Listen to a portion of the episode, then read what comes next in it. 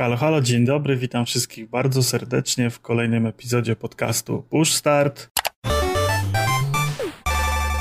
Ja jestem Dariusz Waderiowoźniak i standardowo jest ze mną Pimol. Cześć Pimol. Hej, hej. No to co? No to polecimy sobie z socjalkami. No i zaczniemy od Twitterka. Na Twitterku możecie nas zaczepiać mnie pod małpką Pimol87, Waderio pod małpką Waderio, przez dwa opisane. Tam y, zawsze miło nam się rozmawia, zawsze odpowiemy. Y, oboje również prowadzimy Twitche. Ja troszkę regularniej. Waderio cały czas obiecuje, że będzie regularny, ale się zapowiada, że No ej, Za każdym był, razem trzeba- ostatnio był. trze- No. No był, był, ja nie mówię, że nie było, tylko trzeba wypatrywać tego właśnie na Twitterku, żebyś zapowiedział, że będzie. No, no, także no następny też będzie, no. Także będzie, No już dobra, będzie wtedy no. regularnie, no. Już będzie regularnie wtedy. No. Jak następny Czekamy będzie... na ten moment. No. Czekamy na ten moment, żeby było regularniej, chociaż ja też mam kilka grzeszków, bo też nie zawsze mogę, nie zawsze się to złoży. Więc tutaj nie, nie demonizujmy z jednej i z drugiej strony. Y, oczywiście zapraszamy na YouTube'a, na nasz kanał, na którym można zobaczyć nasze paszcze. W, od, od, trzech, od trzech odcinków Tak, można tak, oglądać właśnie odcinków. nasze pas, paszcze, jak, jak gadamy, jak nagrywamy sobie podcast. Y, Zapraszamy oczywiście na giereczkowo.pl i na Discorda, który tam gdzieś na stronie na dole jest odnośnik do Discorda giereczkowego. Tam nas można znaleźć, można z nami też tam pogadać, jeżeli nie chcecie na Twitterkach. Y, Jesteśmy również na Discordzie kolegów od Gracz Watcha. Tam też mamy swój pokój, tam wrzucamy odcinki, informujemy o odcinkach, możecie też podrzucić jakieś pomysły. Yy, Ja z żoną jeszcze prowadzę yy, oddzielny kanał na YouTubie, nazywa się Życie według Lipców, gdzie opowiadamy troszkę o naszych podróżach, o naszym codziennym życiu, o miejscach, które warto też zwiedzić i odwiedzić. A za to Waderio może się pochwalić też swoim kanałem na YouTubie, który nazywa się Szkoła Chmielu. Troszkę go zaniedbywał ostatnio, bo nawet o nim nie wspominał. Natomiast y, przypomniał mi w ostatnim odcinku o tym i tutaj też serdecznie zapraszamy miłośników dobrego piwa. Waderio ma niesamowi- niesamowitą wiedzę na ten temat i ma do tego pasję, więc y, fajnie, fajnie to wygląda i fajnie to się ogląda, więc wszystkich zachęcamy do tego. Waderio jest za skromny, żeby to przyznać, że to jest fajne, więc nie ma tu prawa głosu. No ja ten kanał tak troszeczkę po macoszemu traktuję, także no to jest taka, no lubię ten kanał, lubię kręcić filmy na ten kanał, ale no one są e, problematyczne czasowo te filmy, więc długo powstają, długi jest czas produkcji. No, ale tak jak- tak tak jak rozmawialiśmy poza anteną, że tak powiem, no to nie można się śpieszyć, więc tu trzeba zrozumieć to, że jednak dobre piwo potrzebuje czasu, więc tu No, zgadza nie się. spodziewajmy się odcinka co tydzień, natomiast każdy odcinek ma swój walor w postaci wiedzy, w postaci doświadczenia, nowych pomysłów, więc warto, warto czekać. tak. Tutaj jeszcze wspomnimy, jeżeli macie ochotę, można nas wesprzeć. Mamy PayPala, gdzieś tam zawsze pod odcinkiem się pojawia. Można nas wesprzeć, będziemy wtedy mieli troszkę więcej czasu antenowego. No i cóż, No i dzisiaj, Dzisiaj- taki odcinek e, dziwny, bo bez newsów. Stwierdziliśmy, no że właśnie, newsów dzisiaj nie e, będzie. nie za wiele się działo rzeczy, które nas interesowały, a po resztą też e, w październiku to jest jedyny odcinek październikowy. Tak gdzieś się złożyło życiowo, że nie udało nam się nic więcej nagrać. Natomiast e, w końcu udało nam się po tylu odcinkach zbić piątkę w realu i spotkaliśmy się we dwóch na Wawakasterach, czyli na takim spotkaniu podcasterów e, w Warszawie, w kawiarni. Posiedzieliśmy, Hmm. pogadaliśmy sobie, wymieniliśmy doświadczenia z innymi e, prowadzącymi różne podcasty. E, Było miło, sympatycznie chyba. Bardzo miło było, bardzo sympatycznie i myślę, że jak tylko następne takie spotkanie będzie zorganizowane, to będzie trzeba się też wybrać. Też tak jak wspomniałeś, fajnie było się spotkać w realu w końcu. Mhm. po jednak prawie półrocznej współpracy. Gdzie... Źle, zleciało, zleciało, no. Zleciało nawet nie wiadomo kiedy, a najzabawniejsze właśnie na tym spotkaniu było to, jak inni podcasterzy się dziwili, że można prowadzić podcast tylko znając się przez internet. Mhm. Większość tam e, prowadzących albo prowadziła sama i zapraszała gości, i to też gości z reguły do fizycznego jakiegoś studia, albo jakiejś kawiarni, czy, czy, czy gdzieś, gdzie mogli sobie e, w cztery oczy pogadać po prostu. A i dla nich było takie zdziwienie, że nagrywamy na odległość. No i że się nie znamy, to też było spore zaskoczenie. Także tak mm. fizycznie, w realu, nie?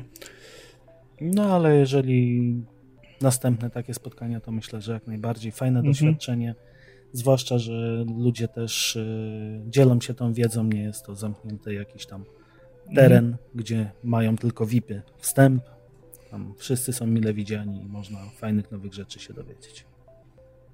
No to co, chyba przechodzimy do tematu odcinka. A temat odcinka jest taki specjalny i wyjątkowy, e, bo kończy się nam pewna epoka powoli. Już za niecałe 15-17 dni mamy premiery nowych konsol, więc możemy. Dokładnie za 20. Głośno, głośno powiedzieć, że kończy się ósma generacja konsol.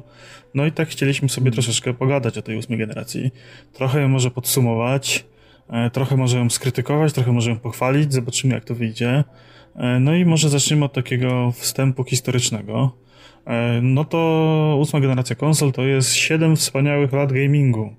E, czyli 2013 do 2022. Tak to się pięknie złożyło. 2020, e, no ty, tak? nie rozpędzaj się. 20, Jezu, 22 powiedziałem, tak, no. E, nie wiem, nie wiem skąd mi się to wzięło. Jeszcze, jeszcze dwa lata pociągnie, no na pewno no, ludzie pewno, będą pewnie, korzystać, pewnie, tak, ale... jeszcze pociągnie, jeszcze tak gierki cross generacyjne będą wychodziły pewnie. No i co? No i e, Wikipedia podaje, że to jest taka konsola jak PlayStation 4, Xbox One, Wii U, Nintendo 3DS, PlayStation Vita, e, PlayStation TV, no i oczywiście PC-ty. PC-ty, mimo że nie są kolejną generacją konsol, to o PC-tach i gierkach na PC-tach też trzeba będzie wspominać. Więc e, czym, czym właściwie była ta generacja? poza Wii U i 3DS-em, które gdzieś tam żyły sobie swoim własnym życiem i Nintendo, jak to Nintendo, zwykle ten opóźniony młodszy brat, gdzieś tam wypuściło konsolę tam za późno, za wcześnie, różne tam atrakcje z nimi były, konsola nie była przeznaczona do tego, do czego miała być przeznaczona i takie tam różne atrakcje z nimi były, ale pewnie te trzy osoby, które kupiły Wii U w Polsce e, bawiły się świetnie. E, PlayStation Vita, myślę, że też nie bardzo jest o czym dyskutować. Świetna konsolka, którą Sony zabiło za szybko, bo, bo piractwo. E, no, PlayStation TV, no to przystawka taka, która była na podzespołach Vity. Ja to gdzieś w szufladzie mhm. mam, całkiem spoko, bo można sobie streamować z PS4 grę na drugi telewizor, plus odpalić większość gierek z PlayStation Vity, z PS1, dwójki, właśnie tam, także takie sympatyczne urządzenie. No i myślę, że głównie będziemy się skupiali na tych y, zwycięzcach i głównych bohaterach, czyli PlayStation 4 i Xbox One. Mhm. No i tak, y, co nam obiecała ta generacja? W standardzie było 1080p, czyli Full HD co w poprzedniej generacji dopiero się pojawiło z czasem. No i te 30 no, FPS-ów. No, Obiecywano nam, że będą wodotryski, będzie 60 klatek, będzie 4K. Y, no nie dostaliśmy tego na starcie. Y, później dostaliśmy to częściowo. Y, wyszła mm, PlayStation Pro i Xbox One X, które już to 4K obsługiwały. No lepiej bądź gorzej, upscalowane to 4K, rozciągane, kombinowane, ale telewizory to odbierały.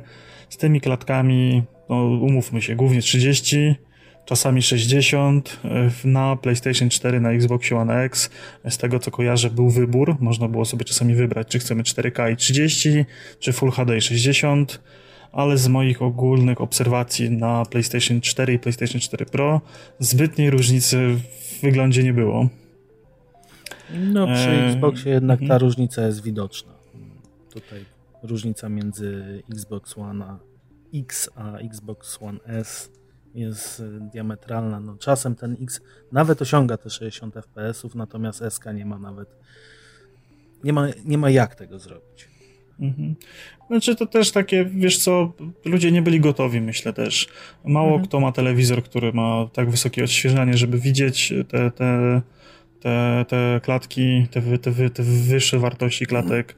Większość ludzi jeszcze nawet 4K telewizorów nie ma, więc to powoli dopiero gdzieś tam wchodzi pod strzechy.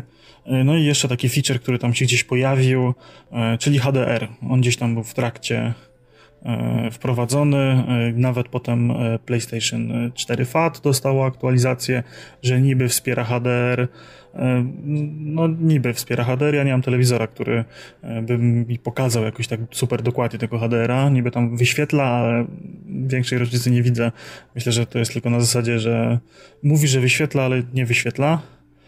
Ja no mam i... kilku znajomych, którzy byli na tyle szaleni, że jak usłyszeli, że PlayStation będzie obsługiwało HDR, pojechali do sklepu, kupili specjalnie pod ten cel telewizor nowy. Natomiast y, nie wiem, czy jeżeli człowiek miał w domu telewizor, który był sprawny, to czy była to gra warta świeczki, żeby po prostu no, czy HDR zobaczyć. Dobrze działający jest super. To jest super fajna sprawa i to mega fajnie działa i mega fajnie to wygląda. Tylko trzeba mieć do tego warunki y, no, w pełnym świetle oglądanie tego, to takie wiesz, y, no nie, nie, nie do końca fajna sprawa. Ale jak się ma, można sobie po ciemku posiedzieć, pograć, to fajnie to wygląda. Szczególnie na tych OLEDach, QLEDach, y, to jest w ogóle petarda uważam. No tak, ale to tak jak mówisz, trzeba być piwniczakiem, żeby po prostu tutaj docenić to mhm. w pełni. No bo w środku dnia o 12, jeżeli chcemy sobie pograć, mamy chwilę czasu w sobotę, niedzielę, no to nie, nie, nie będziemy tego tak odczuwać. Znaczy pewnie będzie to widać, jak ktoś bardzo ma sprawne oko i bardzo lubi się zachwycać takimi rzeczami, to na pewno, nie? Ale dla takiego przeciętnego mm. człowieka myślę, że nie była to gra warta świeczki i robienie takich zabiegów, tak jak mówiłeś. No ale jeżeli chodzi w sumie o sprzęt, no wydaje to, no, to było takie trochę rozczarowanie, bo ten przeskok e, graficzny, wyglądowy, rozdzielczościowy, klatkarzowy nie był taki duży jak PlayStation 3 czy Xbox 360 z końca generacji. Fakt, potem mhm. pojawiły się gry, które lepiej wykorzystywały y, samą konsolę. Te gry wyglądały lepiej, ale no, mieliśmy konsolę, która pod koniec swojego życia obsługiwała Full HD i 30 klatek i kupowaliśmy nową konsolę, która obsługiwała Full HD i 30 klatek. No. Ale zauważmy, że jednak ten potencjał trochę urósł. No, przez 7 lat dawało radę wyświetlać w miarę, no, w miarę porządnie. No, ale no. widzisz, no to jest coś za coś. Moje PlayStation 4 FAT w tym momencie e, no, rzadko jest uruchamiane, bo e, w upalne dni bądź e, w zimę, kiedy grzeje mi kaloryfer, e, jest w pokoju ciepło, to wydaje takie dźwięki, że ja mam wrażenie, że raz odleci. Ja nie wiem, czy, czy, czy, czy w ogóle jest sens, nie? Coś odpalać teraz z końca generacji, czy nie lepiej poczekać na nowe konsole i sobie zagrać w wstecznej kompatybilności, nie? No jest to jakieś rozwiązanie. No zwłaszcza, że tak jak mówiliśmy, no został niecały miesiąc, więc myślę, mm -hmm. że ci, którzy się zdecydują na przedpremierówki, te preordery i tak dalej, albo pójdą w dzień premiery i kupią sobie konsolę, no to na pewno mogą poczekać już ten miesiąc. No więc może się, może się komuś uda i zobaczymy, jak to będzie działało. Natomiast e, z pozasprzętowymi e, takimi niuansami, to myślę, że ta generacja konsol e, zasłynęła przede wszystkim mikrotransakcjami w grach AAA. Myślę, że to jest temat, który dość głośno się odbije po tej generacji. Już tam wcześniej były jakieś DLC, e, były jakieś e, kupowanie jakichś rzeczy, ale to z reguły te mikrotransakcje były w grach darmowych, w grach sieciowych. E, te DLC, mm. poza słynnym DLC ze zbroją do konia, to z reguły coś tam ciekawego wnosiły. E, a e, tutaj troszeczkę branża zaczęła się rozmieniać na drobne, e, troszeczkę zaczęła doić graczy po portfelach i wymyślać zagrywki nie fair w postaci słynnego Battlefronta na przykład, który nie dość, że był grą w pełnej cenie, to jeszcze wymagał albo setek godzin grindu, albo płacenia grubych dolarów za odblokowanie rzeczy do, do gry sieciowej i to było troszeczkę takie pay to win z jednej strony. No potem z tego oczywiście wybrnęli, tak, ale niesmak mhm. pozostał. No i FIFA wprowadziła karty, no dużo, dużo firm wprowadziło jakieś formy mikrotransakcji. Ale w większości zauważmy, że były to Na początku przynajmniej było właśnie to o tyle nie, nieprzyjemne, że były to pay to play. Czyli żeby w ogóle nie siedzieć, nie grindować tego po tysiące godzin, to trzeba było zapłacić. Natomiast później zrobili troszkę, mi się wydaje, z tym porządek i bardziej to były rzeczy już y, kosmetyczne, nie? Nie, znaczy też te rzeczy, te rzeczy kosmetyczne to właściwie wydaje mi się, że już nawet były wcześniej, bo Valve do CS-a mhm. te słynne lootboxy wprowadziło e, i mhm. potem e, Dota coraz więcej w ogóle tych gier wprowadzało lootboxy, ale lootboxy miały w sobie ten element hazardu, do którego potem jeszcze przejdziemy, który też jest mhm. silnie się odbił echem w tej siódmej generacji, w ósmej, przepraszam bardzo. Ósmej, ósmej. E, ale wiesz, to były elementy kosmetyczne i to było coś, bez czego mogłeś się obejść. A w momencie, kiedy mikrotransakcja obejmuje ci rzecz e, na zasadzie albo farmisz 100, e, 100 godzin, żeby postrzelać tym rodzajem karabinków w multiplayerze, albo wydajesz 10 dolarów i masz od razu, no to, no kurczę, zapala mi się taka lampka, że może kurczę niekoniecznie fajnie to jest. Albo tak samo no jak z tym były, e, były... futem w FIFA, tak? Że mhm. kupujesz mhm. niby te paczki, niby to jest lootbox, ale y, musisz kupić tych paczek dużo, żeby zebrać dobre karty, żeby mieć dobrą drużynę, tak? Czy dużo monetek, nie wiem dokładnie jak to tam działa teraz. Tam wiem, że jakieś dało się też karty wytwarzać, coś tam jakieś inne rzeczy się robiło. To nie zmienia faktu, że trzeba było nie płacić FIFA, za, za to, żeby w zmaganiach sieciowych mieć lepszą drużynę. Mhm. No więc wiesz, no to jest takie Było to nie, nie fair. Dokładnie tak, było to bardzo niefajne. Mhm.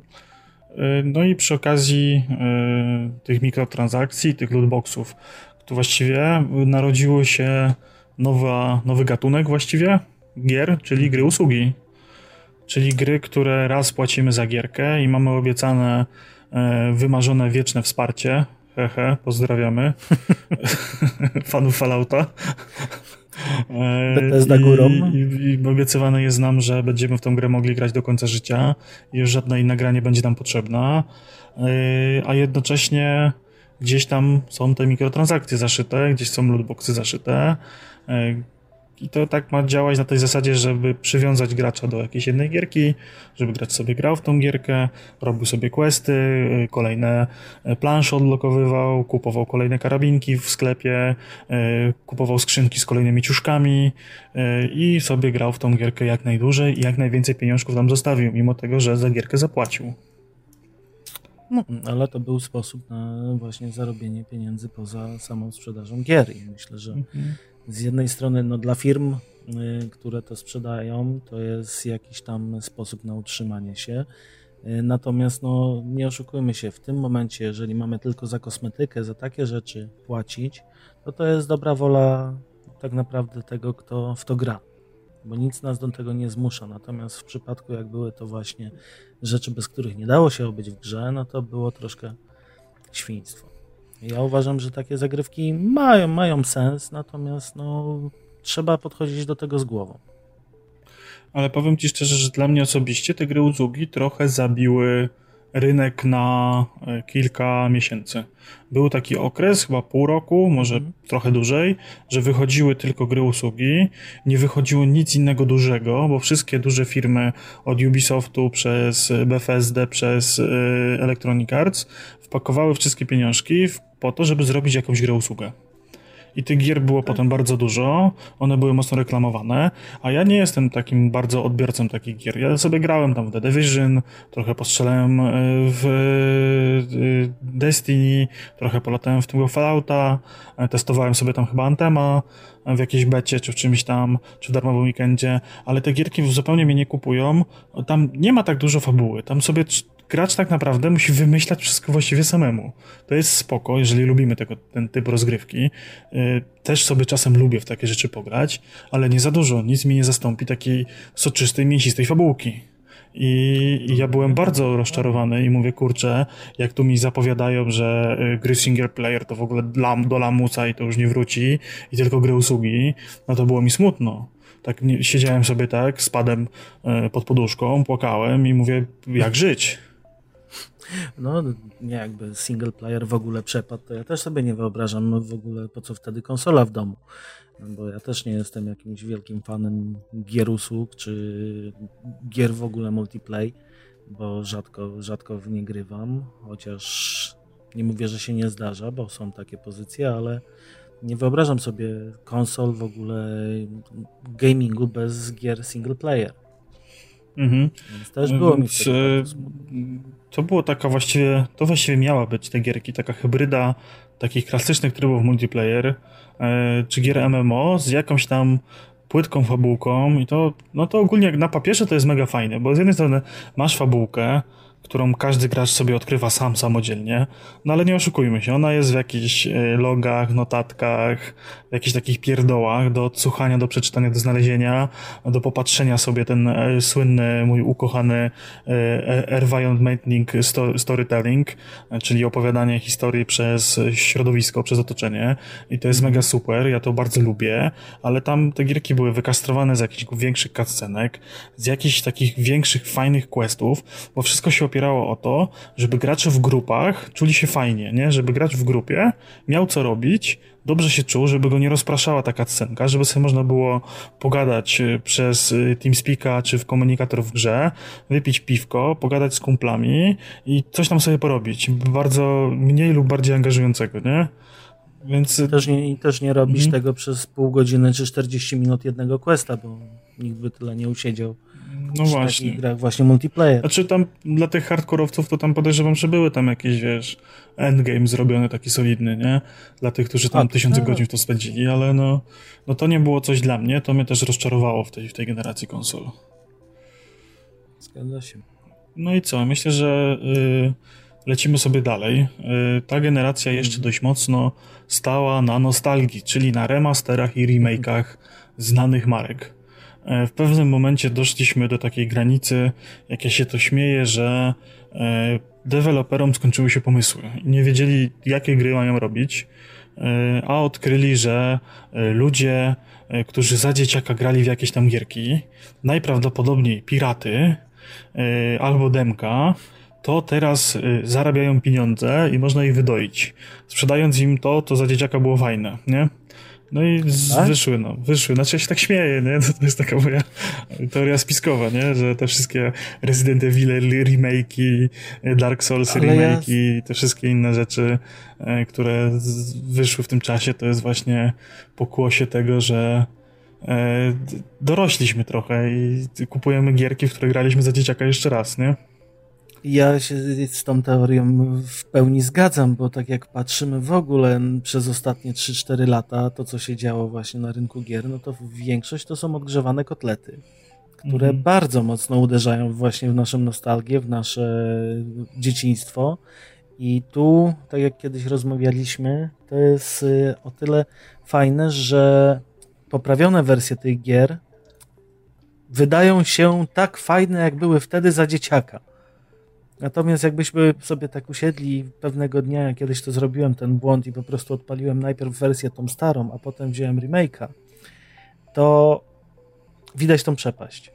Czar prysk. To, tak, dokładnie tak. Czar prysł, nie, nie było to to samo, nie było to tak fajne, jak, jak mi się wydawało. I na tym bazowali i myślę, że dla mnie nawet w pewnym momencie było tego już za dużo bo nie było mhm. nic świeżego, żadnego świeżego powiewu, wszystko było tak, remake było, Mafia 3 wchodzi po raz piąty, nie wiem, Ale tego typu rzeczy. Ogólnie powiem ci, że takich powiewów świeżości jak Death Stranding e, było mało. Gdzieś pojawiła się jakaś nowa, fajna mechanika w, w jakiejś tam grze, która była mhm. znowu otwartym światem od Ubisoftu i, i potem wszystkie gierki dookoła miały tą mechanikę. E, wszystkie właściwie otwarte światy polegają na tym, że czyścisz mapę ze znaczników, y, zrobisz wieżę, żeby odkryć mapę, zabijasz zwierzątka i zbierasz y, skrapsy, jakieś inne odłamki, kryształki, duperele, żeby rozwinąć ekwipunek i w tle robisz questy. No. I tak gdzieś, gdzieś się to wszystko tak zatarło, rozmyło i tak naprawdę e, myślę, że jakbyś posadził osobę, która nie grająca, nie gra w gierki i odpalił jej cztery losowe tytuły, to myślę, żeby nie zorientowała się, że gra w różne gry.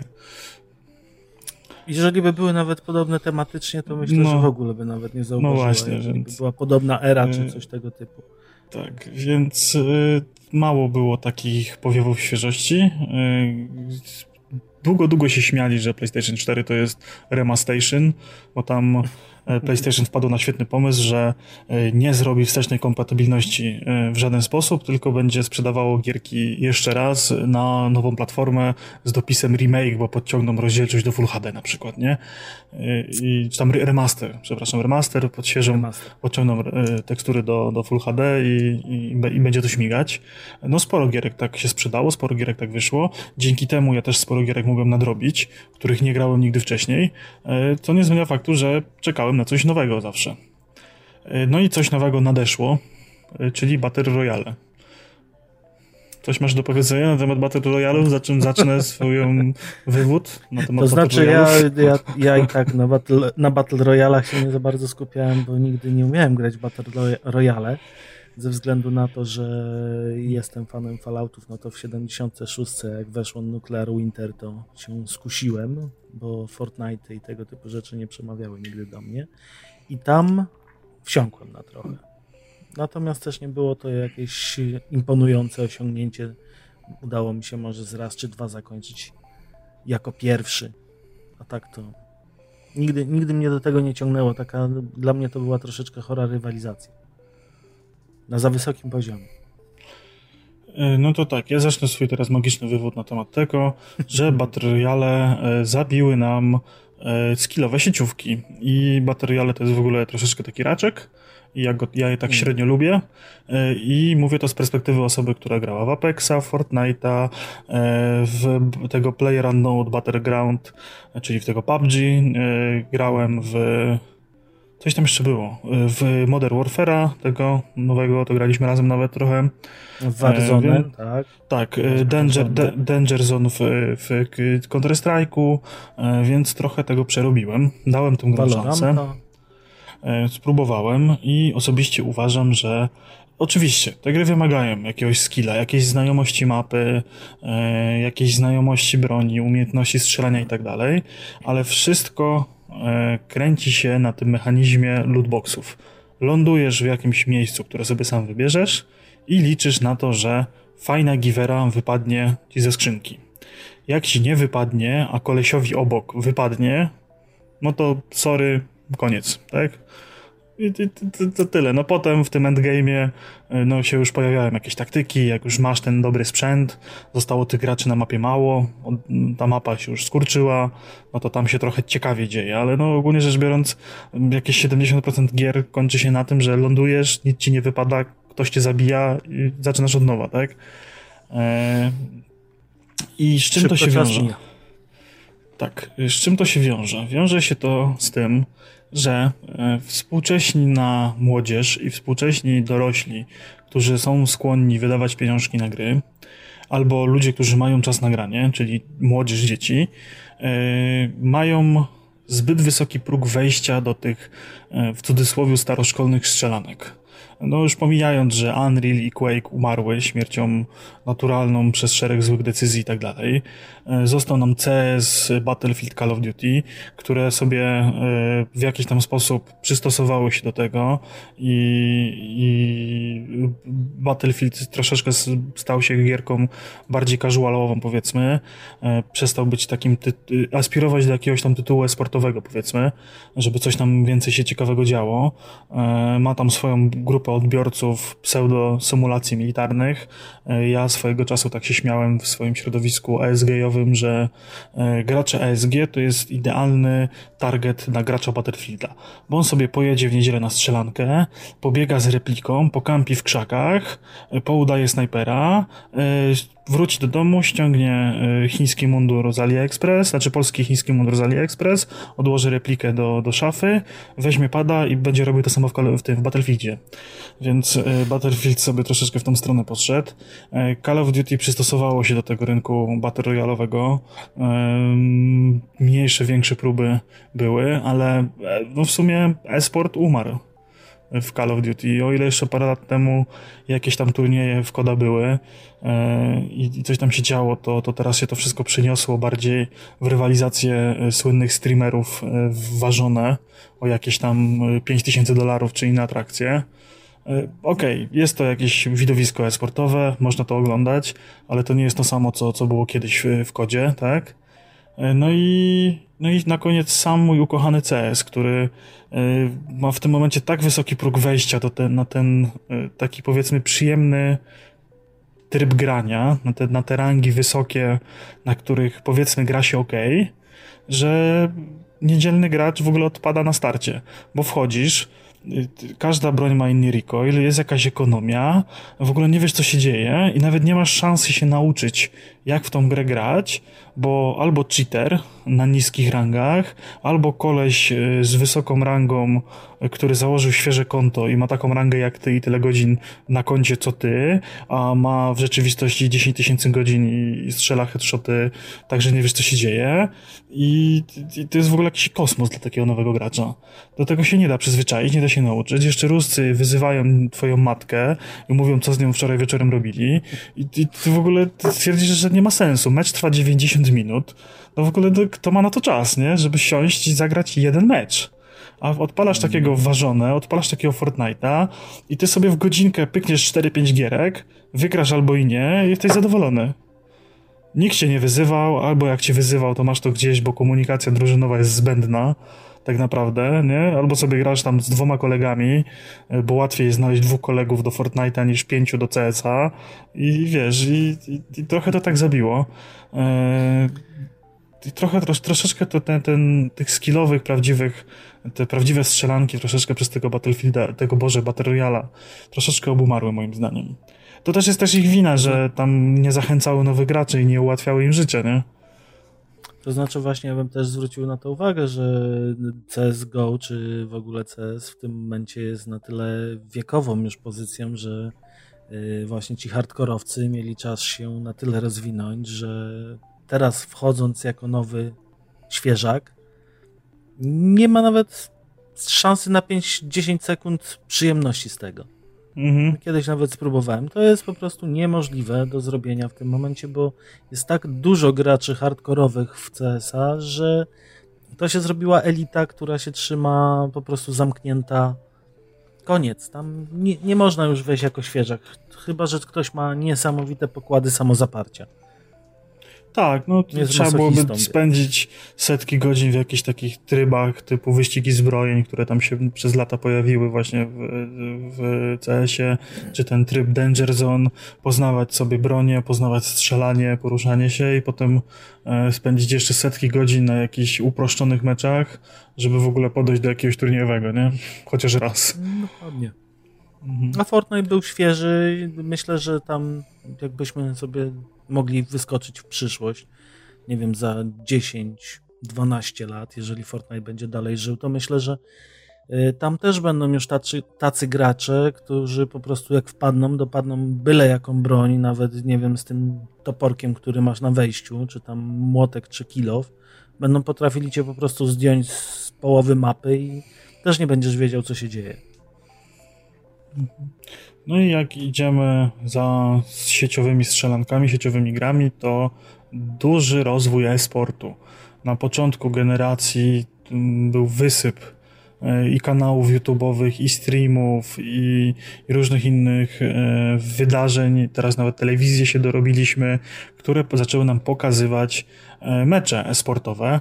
E, pojawili się profesjonalni komentatorzy, e, pojawiły się dużo różnych profesjonalnych lig, które w różne gry od LoLa, Doty, właśnie CSa, StarCrafta, przez właśnie Fortnite'a, przez jakieś inne, inne gierki pokazały, że gierki to też może być sport pokazały, że to też wymaga jakiegoś tam zaangażowania, jakiejś zgranej drużyny, treningów i tak dalej, i tak dalej.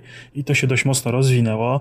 Ta scena zyskała no, miliony dolarów e, na nagrody od sponsorów, na samej organizacji eventów. E, no to się naprawdę mega, mega rozrosło.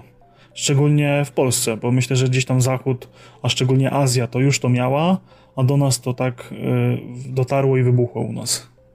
No myślę, że Azja i Stany Zjednoczone, no to już liczymy sobie nawet czas Segi, czas y, y, Atari, tamtych no, nazwijmy to mikrokomputerów bardziej niż konsol. Natomiast w tamtych czasach oni już mieli właśnie takie turnieje, turnamenty, jak oni to ładnie nazywali, gdzie to były lata 80. Mhm.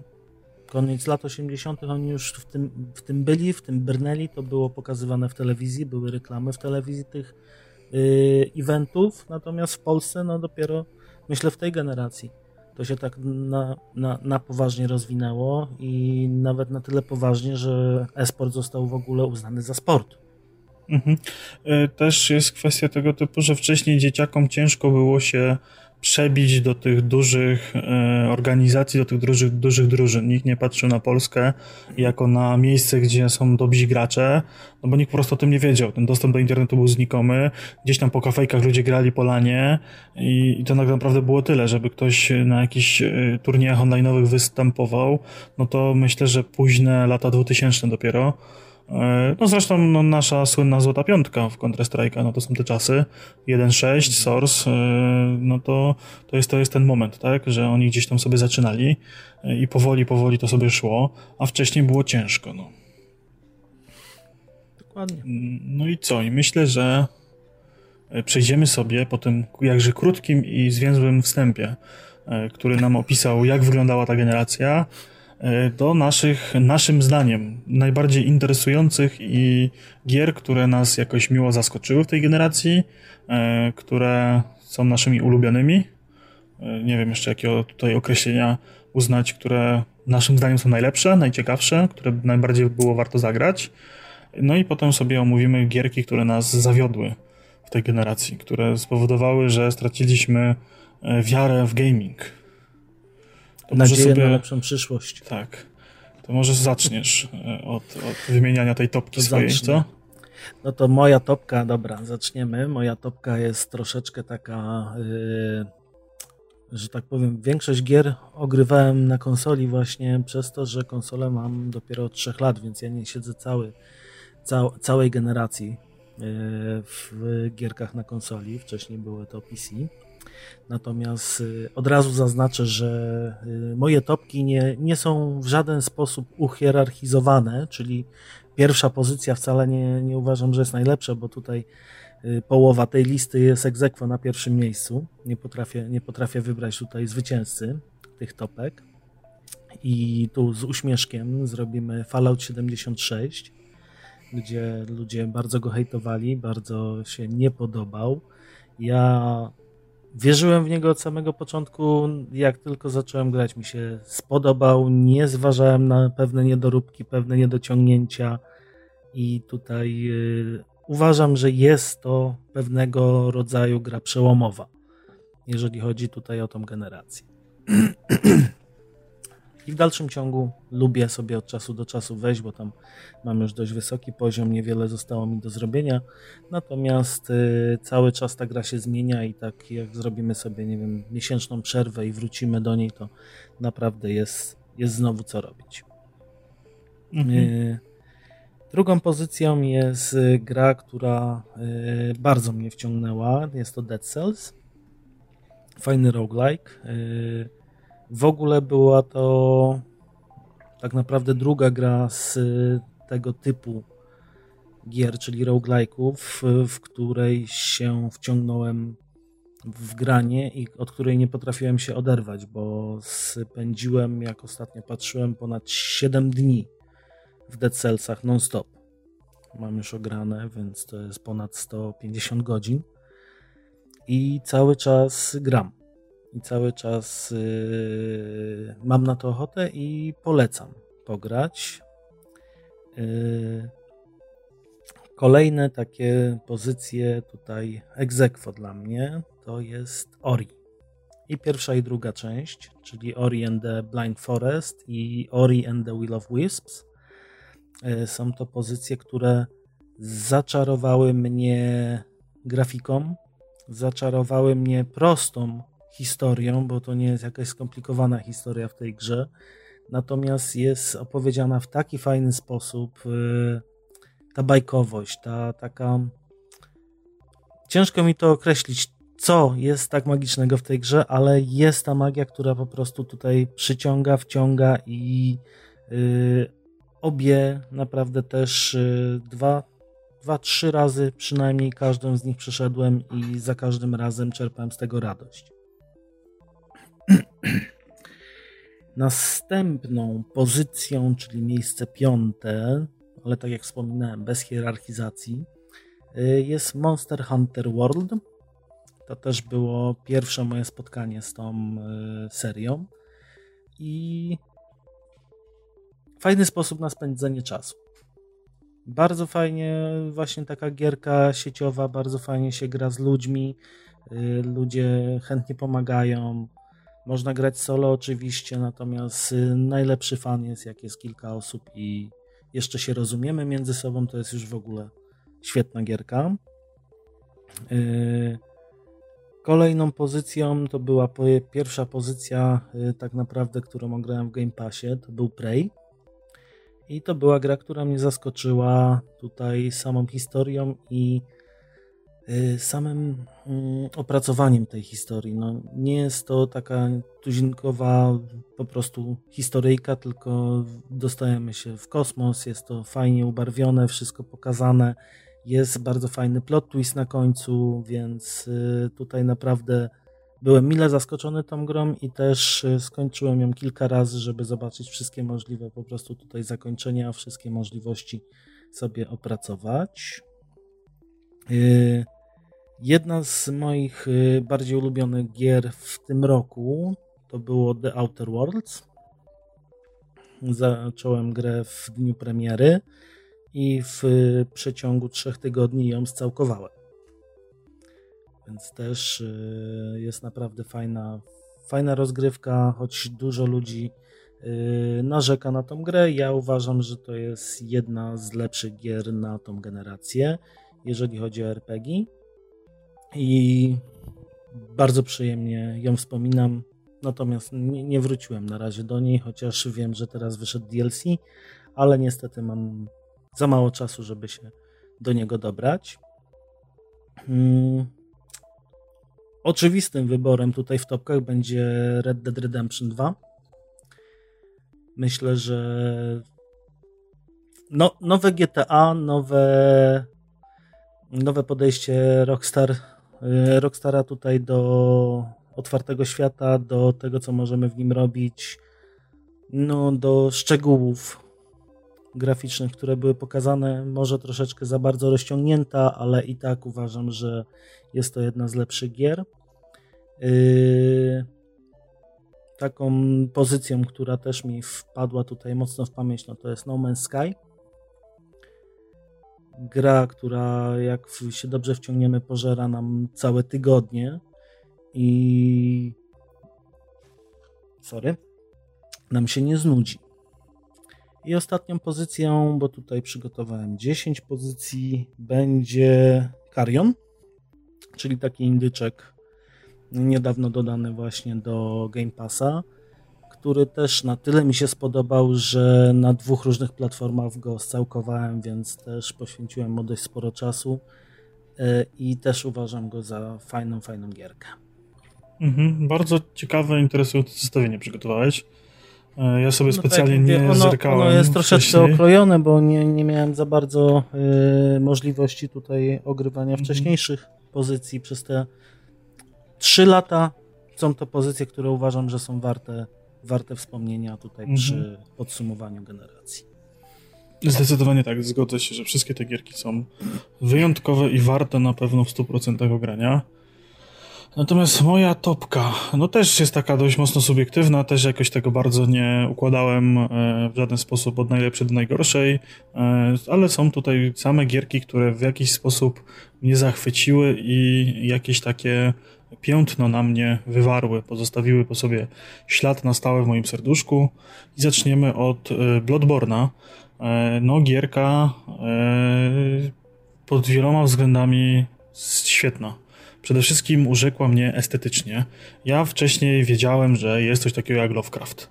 Wiedziałem, że jest coś takiego jak Cthulhu, e, wiedziałem mniej więcej o co tam chodzi, ale jakoś nigdy się w to nie zagłębiałem, e, no bo ja zawsze tak od tych horrorów tak stroniłem, mnie to nigdy nie bawiło, nigdy się tym jakoś tak specjalnie nie jarałem, ale w Bloodborne zakochałem się do tego stopnia, że w tym momencie przerobiłem wszystko, co jest z Lovecrafta i wyczekuje na e, wszystko, co będzie związane w, w tej tematyce.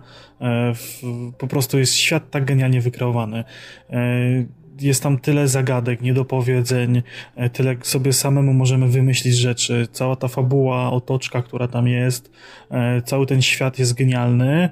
No i do tego nam dochodzi ten świetny system znany z wszystkich e, gier From Software, e, czyli tych Dark Soulsowo, Souls-like'owych rzeczy. E, no gierka jest moim zdaniem takim creme de la creme, nie zestarzała się ani troszkę, dalej warto sobie do niej powrócić, jeżeli ktoś nie grała, ma możliwość, to jak najbardziej polecam, bo jest to coś moim zdaniem świetnego i wyjątkowego. Kolejną gierką jest mój ukochany Wiedźmin 3.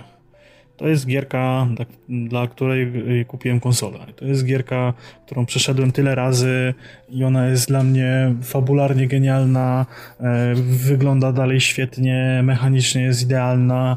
Mimo tego, że mam mnóstwo wad i błędów, to ja ją swoim serduszkiem kocham bardzo mocno i uważam, że e, zrobiła e, sporo dla gier i sporo dla RPGów w otwartym świecie. Pokazała, że da się zrobić e, masę głupich, nieznaczących questów w taki sposób, żeby były fajne i znaczące w jakiś sposób żeby w jakiś sposób nie było tylko na zasadzie zwykła skrzynia ze skarbem pod pytajnikiem, tylko żeby każdy element miał jakąś mikrofabułkę.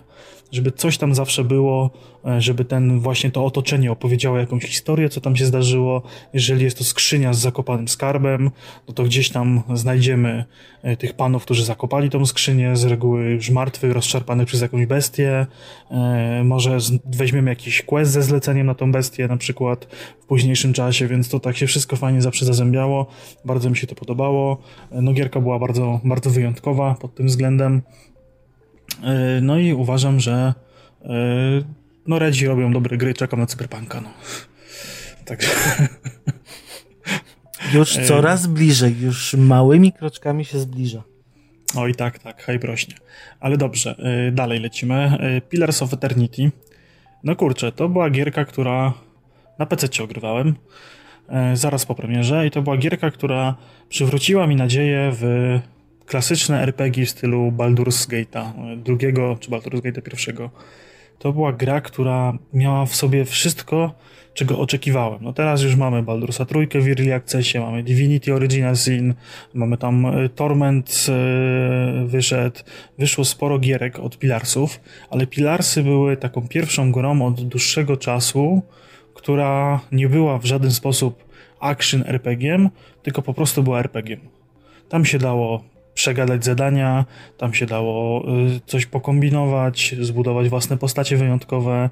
E, lokacje były świetne, przeciwnicy byli świetni, fabuła była świetna i po takim długim okresie, kiedy wydawało się, że gry tego typu umarły i już nikt nie będzie chciał grać, pokazała, że jednak jest popyt na, na tego typu zabawę. Co mnie osobiście cieszy i cieszę się, że teraz te RPG znowu jakiś renesans y, przechodzą, że, że ludzie chcą w to grać, jest coraz tego więcej. Mm, kolejna na mojej liście. The Witness. Gra logiczna, gra, która ma niesamowicie piękną grafikę. No może bez przesady, ale ma interesującą, fajną, ładną grafikę y, i y, mega fajną fabułę. I mega fajny gameplay kurczę, dla mnie było to szokiem, jak po jakimś czasie odkryłem, że te zagadki, które rozwiązujemy, to one są wszędzie. Cały świat jest tą zagadką. Ten prosty schemat połączenia e, dróżki od e, dużej kulki przez ścieżkę do, tam, do końca ścieżki, e, który tam wykonywaliśmy na takich pulpitach, które się pojawiały w świecie gry, w momencie, kiedy wyszedł poza te pulpity i okazało się, że różne perspektywy kamery, różne miejsca w różnych miejscach stojąc, e, odkrywa nam te same elementy w całym świecie, to po prostu było dla mnie to coś niesamowitego. E, to jest jedna z niewielu gier, które postanowiłem splatynować. Poświęciłem wiele godzin robiąc E, różne dziwne rzeczy w tej grze, e, maksując tą grę, odkrywając wszystkie sekrety i co się tylko da, łącznie z e, ogrywaniem, oglądaniem tam chyba godzinnego filmu, który trzeba było obejrzeć tylko po to, żeby rozwiązać jedną zagadkę. Także to dziwne to jest, ale no, zrobiłem to i bardzo mi się podobał ten, te, to podejście do, do samego gameplayu. Kolejna była świetna. Mhm, no. E, kol... Kolejna gra na mojej liście to e, Zelda Breath of the Wild. Ona jest to tak troszeczkę na siłę. Troszeczkę jest to tak wciśnięta. E, no bo wyszła na Switcha, a Switch już jest teoretycznie podciągany pod nową generację, pod tą generację dziewiątą, ale gra wyszła też na Wii U. Także jestem kryty. No, gra, gra, która znowu zrewolucjonizowała pojęcie otwartego świata. Mamy quest, zrobić coś, lądujemy na mapie i rób, ta, rób, rób pan, co pan chcesz. E, nie mamy, mamy tam jakieś podstawowe samoucze, które nas uczy machania mieczykiem i chodzenia prawo, lewo i skakania ale zasadniczo e, większość mechanik jest ukryta. I wszystko, co jesteśmy sobie w stanie wymyślić do głowy, na przykład zjeżdżanie po zboczu na tarczy, jesteśmy w stanie sobie zrobić. I gra nie informuje nas, że coś takiego jest, dopóki się sami o tym nie dowiemy. Więc to jest mega fajne, jest tam gotowanie, które jest mega intuicyjnie zrobione, eksploracja, e, no wszystko, wszystko jest mega fajne. E, gra na końcu trochę rozczarowywuje, walka z ostatnim bossem w momencie, kiedy maksujemy sobie tą grę i chodzimy, robimy wszystko, co się tylko da, e, zwiedzamy, robimy te kapliczki i tak dalej. Na końcu staje się rozczarowująca, ale ogólnie rzecz biorąc e, mega zachwyca. I to było moje pierwsze podejście do Zeldy i bardzo się miło e, nastawiłem do, do tego typu rozgrywki, do tego typu gier. Także oczekuję kolejnych części i mam zamiar sobie gdzieś tam nadrobić jakieś inne Zeldy. E, kolejny na liście, żeby nie przedłużać, e, Red Dead Redemption 2. No, powiedziałeś chyba wszystko, co, co, można powiedzieć o tej grze. No, gierka świetna, zrewolucjonizowała znowu pojęcie GTA.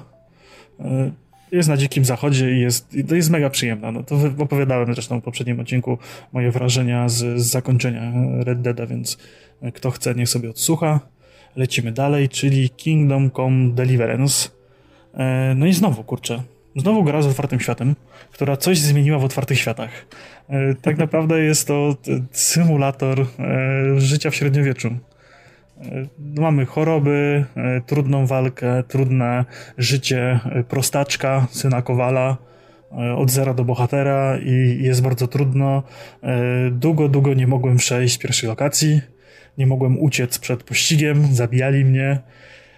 E, gierki nie skończyłem, ograłem dość sporo. E, marzy mi się, że kiedyś będę miał na tyle czasu, żeby w nią wrócić. E, no bo jest świetna, ma dużo takich mechanik fajnych, zaszytych w stylu nauki poruszania się po mapie, gdzieś tam chodzenia. Taki, to, jest, to jest kurczę taka gierka trochę survivalowa. A z jednej strony mamy fajną fabułę, fajne questy, mega fajne mechaniki, także polecam każdemu, kto, kto lubi tego typu zabawy. Kolejna gra, czyli A Way Out niezbyt długa gierka, niezbyt popularna gierka, niezbyt znana gierka, gierka z małym budżetem, ale gierka, która przywróciła mi nadzieję na to, że e, będą kiedyś jeszcze kanapowe koopy. I poza tą grą nic więcej się tego typu nie, nie, nie pojawiło, a konkretnie gierka jest takim prison breakiem, no, jest dwóch typów, którzy chcą uciec z więzienia i oczyścić swoje dobre imię, czy tam złe imię, jak zwał, tak zwał. Gra ma ciekawą fabułę, jest w miarę wciągająca, jest dość krótka, ale możemy ją ograć z kumplem na kanapie. E, gra ma taki asymetryczny split screen e, i wszystkie rzeczy, które się dzieją, wymagają jakiejś tam koordynacji. Więc fajnie jest siedzieć sobie na kanapie, gadać sobie ze sobą i robić te rzeczy. Na przykład tam jeden e, musi odwrócić uwagę strażnika, żeby drugi mógł ukraść jakieś narzędzie e, i tak sobie rozwiązujemy zagadki środowiskowe. Gra jest liniowa, jest dość prosta, ale jest taka właśnie sympatyczna i jest czymś, czego mi brakuje na tej generacji, bo takich gier koopowych było bardzo mało. E, kolejne, Sekiro, czyli znowu Dark Soulsy, tylko że w Japonii. I no, gierka zmieniła moje pojęcie o y, grach Souls-like'owych. Z reguły y, mieliśmy tam mało fabuły albo fabułę ukrytą. Y, robiliśmy sobie jakieś rzeczy, domyślaliśmy się tego, co się tam dzieje w tym świecie, budowaliśmy sobie wojownika według własnych upodobań, według własnych potrzeb, a tutaj dostaliśmy gotowego, predefiniowanego typka, który ma swoją historię od A do Z coś się z nim dzieje, jest jakoś zakorzeniony w tym świecie, ma jakieś relacje z postaciami, które spotykamy na swojej drodze. No i ten system walki się zdecydowanie zmienił, bo mieliśmy do wyboru tylko i wyłącznie możliwość walki kataną i odbijania ataków. I właściwie cała gra polegała na tym, że trzeba było parować ciosy i czekać na dogodny moment na atak. Więc ona zdecydowanie zmieniła moje myślenie o Souls-like'ach. Plus ja nie jestem jakimś wielkim fanem japońszczyzny, a tam e, ten świat wykreowany odrobinę mnie wciągnął, odrobinę mnie zachęcił do zgłębienia tematów e, bliskowschodnich, może bliskowschodnich, japońskich, dalekowschodnich. E, no, więc, więc interesujący tytuł też jak najbardziej polecam. No i na sam koniec Disco Elysium, czyli taki dziwny RPG, który jest RPGiem, w którym nie ma walki prawie wcale. A właściwie chyba w ogóle nie ma walki. Jest taką grą, właściwie przygodówką point and click z elementami RPG, tak bym to nazwał. Chodzimy sobie detektywem w futurystycznym świecie i mamy do rozwiązania sprawę. I ten detektyw mm, też tam może być troszeczkę przez nas rozwijany, budowany w kilku e, możliwych e, tam ścieżkach. No i rzut kością, który jest dość istotny. Czy nam się uda coś zrobić, czy nam się czegoś nie uda zrobić. E, gra niby prosta, a jednak e, no, zrewolucjonizowała trochę podejście do, do RPGów, że nie musi być tam akcji, nawalanki, szczelanek, ucieczek, pościgów, tylko że można zrobić gierkę o prowadzeniu dochodzenia w dziwnym świecie, w świecie, który nie jest do końca oczywisty, który może jest trochę nachalny, może trochę nam jakieś ideologie próbuje wcisnąć na siłę, no ale taki jest ten świat wykreowany i tutaj w takim przychodzi nam żyć i, i, prowadzić śledztwo. No i ten element właśnie losowości, który tam jest, że ten rzut kościem wirtualny, który się odbywa i mimo tego, że mamy genialny plan, to nam się może czasami nie udać. Też no bardzo sympatyczna lista i tutaj z wieloma się zgadzam, natomiast no, nie miałem przyjemności w większość z tych gier grać, więc Tutaj nie chciałem się wypowiadać na temat y, topek bez ogrania gry, prawda?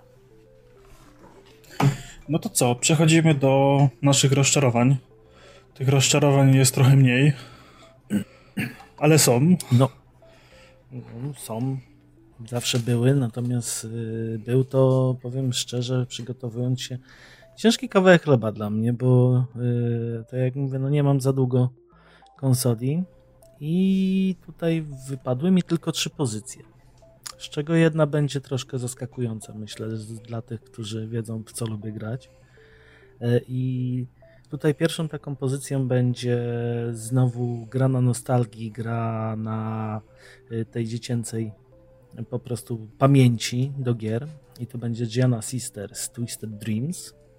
Jest to próba e, odkopania trupa jeszcze z Amigi tak naprawdę, czyli to mamy rok 9.4, 9.5, no może 9.7 yy, i próba nieudana zupełnie. Fajna oprawa graficzna, wszystko wygląda ładnie, jeżeli ktoś yy, zaczyna tą grę od nowa. Ok, nigdy o niej nie słyszał, o wcześniejszej wersji. Ok, może mu się podobać, natomiast yy, według mnie była to bardzo kiepska próba po prostu yy, ściągnięcia takich właśnie yy, nostalgicznych wspomnień o tamtych czasach. Gdzie w Gianna Sisters, tak jak wspominałem w poprzednim odcinku, był to yy, klon Mario.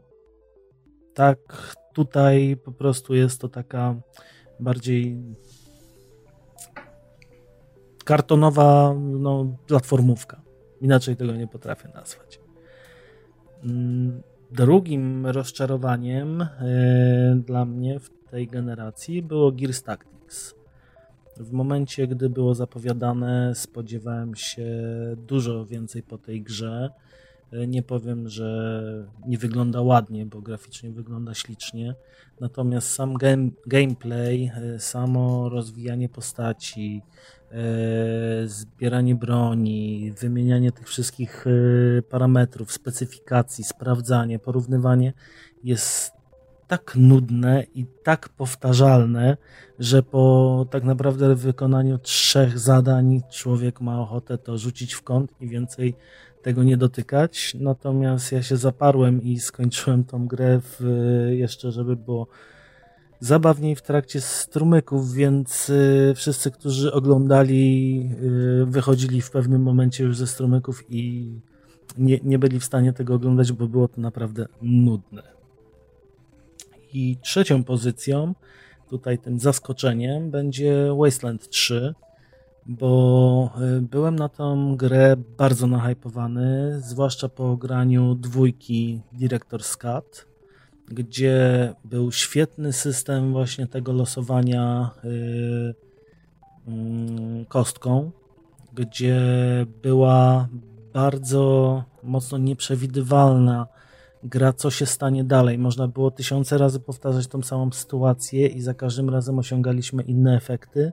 Tak tu został ten element bardzo mocno popsuty i yy, gra straciła przez to dla mnie swój urok.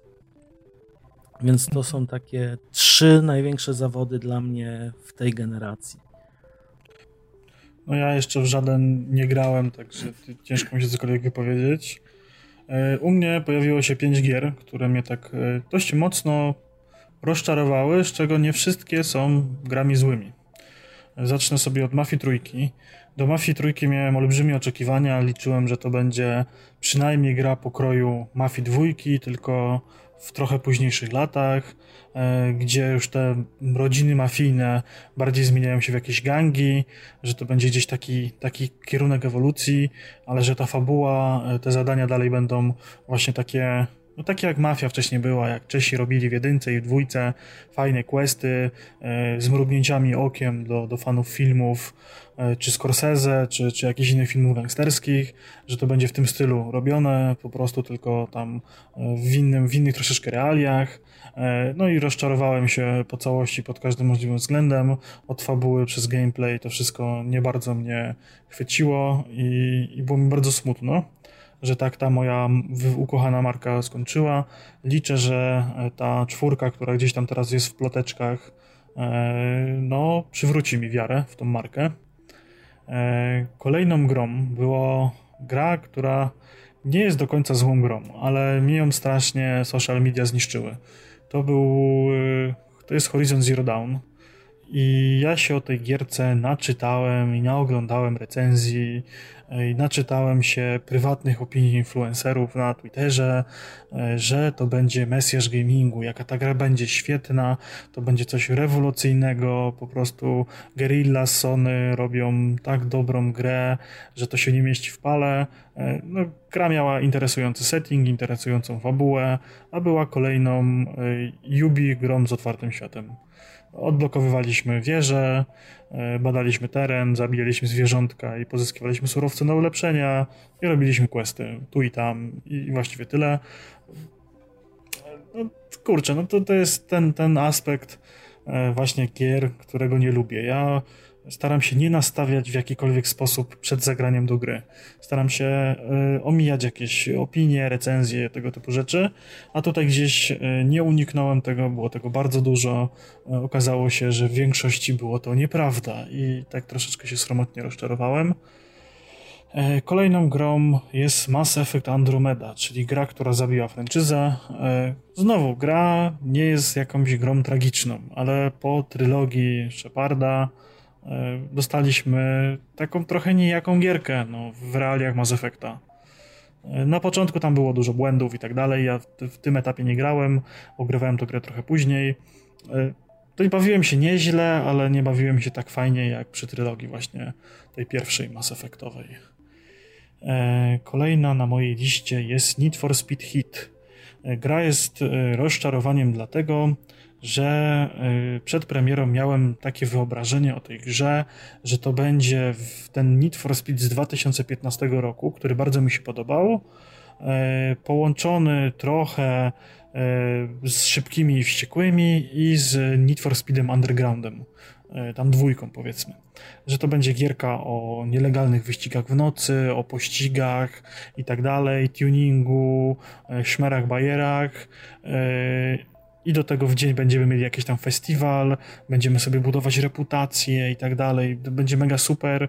Okazało się to kolejną kiepską ścigałką. No, z Need for Speedowym modelem jazdy, ale tego się spodziewałem, tego oczekiwałem, ale nic mnie tam nie porwało i nie zachwyciło tak, jak tego oczekiwałem. Jedyne, co było fajne, to ludzie, którzy mnie obserwują na Twitterze, to widzą, że e, można było sobie ubrać e, mojego męskiego bohatera w spódniczkę i e, w taki krótki, obcisły top. Więc tak sobie jeździłem za, za kierownicą mojego samochodu. E, no ten system tuningu był fajny, to wszystko było fajne, ale nie tego się spodziewałem. No i na koniec yy, gra, która jest dobrą grą i jest fajną grą. I, podoba mi się ta gra, ale jest jednocześnie rozczarowaniem dla mnie, yy, czyli Doom. Nie ten najnowszy, tylko ten, ten poprzedni. W tego najnowszego jeszcze nie grałem, a jest dla mnie rozczarowaniem dlatego, że no, spodziewałem się czegoś więcej, a dostałem odgrzewany kotlet. W nowej oprawie właściwie i no fajnie było, tak? No ta nostalgia jednak była fajna, ale im dłużej w to grałem, tym bardziej mi się to nudziło i nie było tam nic innowacyjnego i fajnego. Cały czas się robiło to samo, pokonywało się lokacje, dobiegało się do areny, e, na arenie wyczyściło się przeciwników, znowu się biegło po lokacji do kolejnej areny, żeby znowu wyczyścić przeciwników, żeby obejrzeć cutscenkę, pobiec do, po lokacji do kolejnej areny. I tak i w kółko, i w kółko, i w kółko. Bardzo szybko mi się to znudziło. No bawiłem się świetnie, no to jest Doom, no tam jest ten, to strzelanie jest fajne, te bronie są fajne, potworki są spoko, ale spodziewałem się czegoś więcej. No to ja tu mogę tylko przytaknąć, jeżeli chodzi o Need for Speeda, bo to jest jedyna pozycja z twojej listy, w którą grałem. Też była nie tym, co, co było zapowiadane. Tutaj myślę, za dużo ściągnęli z podobnych rozwiązań, jak na przykład w Horizonie yy, czy w, w ogóle Forcie. Więc tu też było zawodem. Ale ja nie będę się wypowiadał, bo nie, nie za bardzo lubię ścigałki, mm. więc tutaj. No i tu. No to co? Jakie są Twoje wrażenia po tej generacji? Po tej generacji ogólnie, tak jak widać zresztą po wielkości moich list, no to są generalnie bardzo dobre i ja jestem zadowolony, że w ogóle wszedłem w czasie tej generacji w posiadanie konsoli i zacząłem e, tutaj grać na konsoli i zacząłem się tym interesować, bo jest naprawdę dużo fajnych tytułów, dużo fajnych e, nowych rozwiązań. E, tak samo tutaj jestem bardzo zadowolony z wprowadzenia usług, jakie teraz mamy, czyli tego Game Passa, który uważam, że bardzo fajnie rozwiązał nam e, dostępność do tych nowych konsol, do tej generacji, do następnych. Ja jestem zachwycony ogólnie tą generacją konsol. Poprzednie nigdy nie wciągnęły mnie na tyle, gdzie żeby zakupić konsolę i żeby w ogóle zacząć się interesować. Natomiast ta generacja to spowodowała, więc ja jestem cały czas na tak i jest super. Ja mam mieszane odczucia, bo z jednej strony zagrałem w bardzo dużo fajnych gier i Część z nich była na PC, część była na PlayStation, część na, na Nintendo, część teraz na Xboxie nadrabiam. E, I to były bardzo fajne, dobre tytuły. Bardzo mało gier mnie w jakiś taki negatywny sposób rozczarowało, że stwierdziłem, że nie było warto. E, każda gra miała coś w sobie fajnego, a z drugiej strony jest to generacja, która najmniej moim zdaniem poszła do przodu taki najbardziej, albo tak, może, może inaczej to zdanie sformułujmy, poszła w najmniej fajny sposób do przodu. Grafi graficznie i technologicznie niewiele się poprawiło. Te gierki, jak sobie zobaczymy, takiego porównamy sobie graficznie takiego The Last of Us 2 z The Last of Us 1, no to no jest ten przeskok, tak? Widać, że te gierki te 7-8 lat dzieli, ale nie aż tak, jak powinno to być widać po tak długim okresie czasu. To mnie troszeczkę rozczarowuje. E, no i ten kierunek, o którym żeśmy rozmawiali, te mikrotransakcje, lootboxy, gry usługi, e, odgrzewanie kotletów, remastery, remake'i. No to nie jest to, czego oczekiwałem. E, chciałbym, żeby ta branża jednak w jakiś sposób szła do przodu, żeby były nowe pomysły, świeżości. Może nie, nie co miesiąc, bo, bo zgłupiejemy, ale chociaż tak co pół generacji, co te 3 lata, 4 lata, żeby coś takiego przyłomowego się pojawiało, nie? Żeby był taki reset i odświeżenie w tym wszystkim, w tych, w tych gatunkach growych bo tak naprawdę czy Red Dead, czy Wiedźmin, czy Zelda, one wywarły duży wpływ na, na, na gry w swoich gatunkach, ale jednocześnie jakoś bardzo nie zmieniły tych gier, które już gdzieś tam były po nich, tak? Żadna gierka nie dorównała Wiedźminowi, żadna gierka nie dorównała Red Deadowi. E, próbowały, kopiowały pomysły, ale nigdy nie było to na takim samym poziomie. Do tego mam takie mieszane uczucia co do tej generacji. Życzę sobie, żeby następna e, zaskakiwała mnie pozytywnie z każdą chwilą. Żebym widział wodotryski graficzne w grach, żebym widział nowe pomysły na gameplaye, e, żebym widział coraz więcej fajnych fabuł i coraz lepsze gierki multiplayerowe, wymagające skilla i zaangażowania. Takie są moje marzenia. To będziemy czekać, czy się spełnią. Ja też uważam, że powinno to w następnej generacji wyglądać lepiej, a tutaj odniosę się troszkę jeszcze do tego, co mówisz, że nie za bardzo się rozwinęło. Jeżeli chodzi o grafikę, o oprawę graficzną, to myślę, że też już y, osiągamy pewny szklany sufit po prostu, którego, który jest ciężko przebić. Może dlatego. Ale wiesz, ja nie oczekuję jakiejś fotorealistycznej grafiki. Mi o to chodzi, żeby ta grafika mnie zachwycała w jakiś sposób estetyczny. Mhm. Mało jest gier, które w jakiś sposób kombinują i próbują być ładne w jakiś inny sposób. Tak? No, no. Jeżeli mamy Borderlandsy, to te Borderlandsy od lat wyglądają powiedzmy podobnie. Nikt nie kombinuje jakiejś nowej techniki zastosować. E, mało jest takich, no w indykach to się zdarza, ale to z reguły wynika z małych budżetów, te, te eksperymenty graficzne, tak? Ja bym chciał, tak. żeby kombinowali jest, z, z, tą estetyką tych gier. Próbowali coś nowego, coś zaskakującego, coś, coś może nietypowego, żeby to było coraz ładniejsze, coraz fajniejsze. Przecież można e, robić gierki jakoś komiksowe, rysowane w różnych stylach graficznych, tak? Ale nie, utarło się, że jak komiks, ta kreska, shell shading, to wszystko wygląda tak samo. Jeżeli jest grafika jakaś animowana, to wszystko kurczę wygląda jak Fortnite ostatnio. No, to jest no na tej jest zasadzie. To... Różowe, tęczowe i kolorowe po prostu. Ja wiem, wiem o czym nie mówisz. Próbuje się, nie, nie próbuje się, wiesz, w jakiś taki sposób czymś zaskoczyć gracza, nie? No bo myślę też y, troszeczkę deweloperzy idą y, i graficy troszeczkę idą na skróty i w łatwiejszą, łatwiejszą stronę, bo po co wymyślać koło na nowo, jak już coś się sprawdziło i coś y, będzie po prostu się podobać tak czy siak. Nie, no jasne, no ale właśnie tak jak mówię, ja bym chciał chociaż te co parę lat mieć jakąś taką perełkę, która coś, wiesz, wprowadzi takiego zaskakującego. No to co? Na koniec jeszcze tematu yy, zadamy wam pytanie, drodzy słuchacze i widzowie. Yy, odpowiadajcie nam na Twitterku z hashtagiem pushstart. Jaka była wasza gra tej generacji. Najlepsza gra tej generacji i podzielcie się z nami tą wiedzą, tymi spostrzeżeniami. Jesteśmy ciekawi również waszego zdania. Poznaliście nasze top 10, to teraz postaramy się sklecić wasze top 10. Tak. No i co tam u ciebie, drogi kolego Waderio? A siedzę sobie teraz w domku. Jeszcze przez jakiś czas sobie posiedzę w domku. No, pochwal się bo, wszystkim. No, pochorowałem się troszkę z żoną. E, koronka, że tak powiem, wjechała mm. na pełnej. E, no już e, te główne objawy mam za sobą.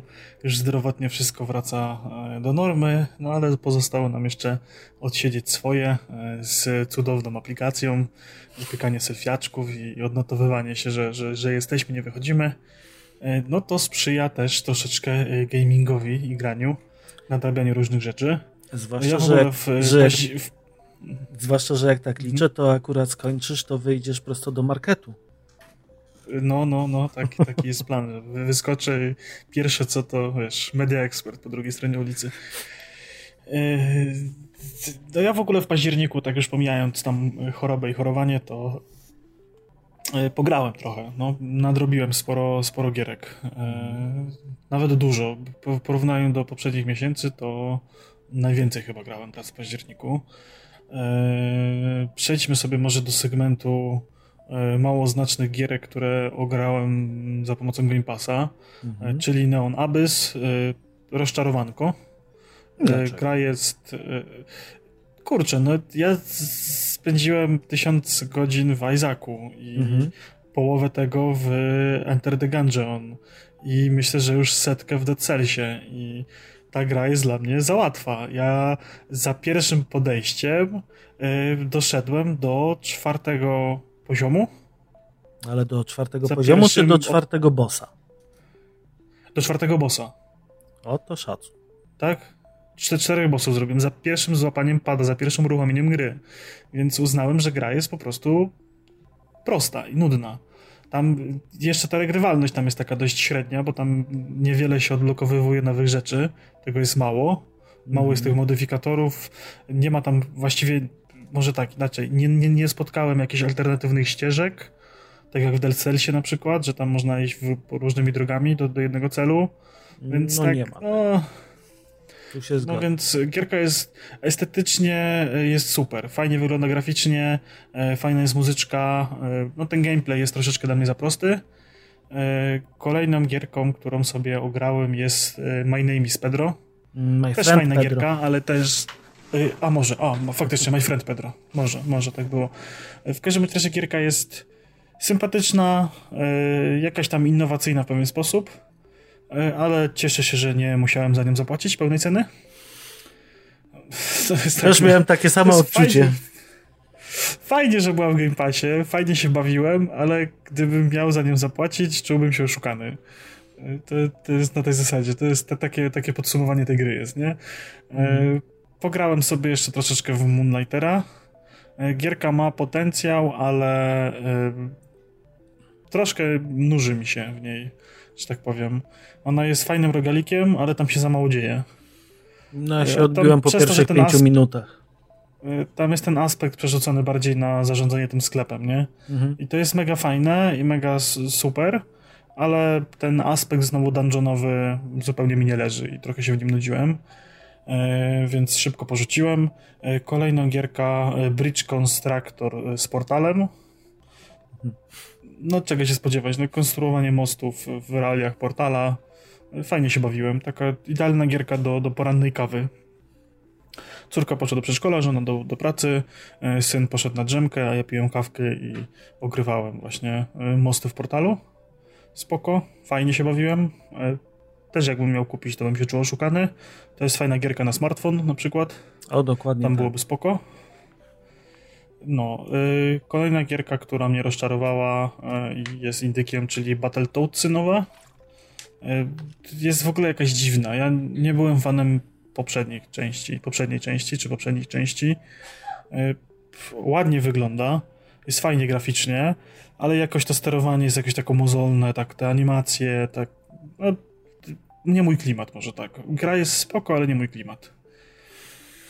E, nie wiem, czy grałeś, czy nie grałeś? Grałem chwilę dosłownie, bo też e, u naszego znajomego Klausa oglądałem e, poprzednią wersję, czyli tą starą Battletoadsów i nawet mi się podobała. Chciałem zobaczyć, co z tego zrobili.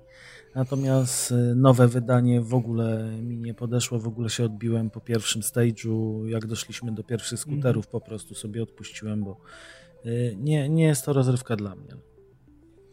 Dokładnie tak.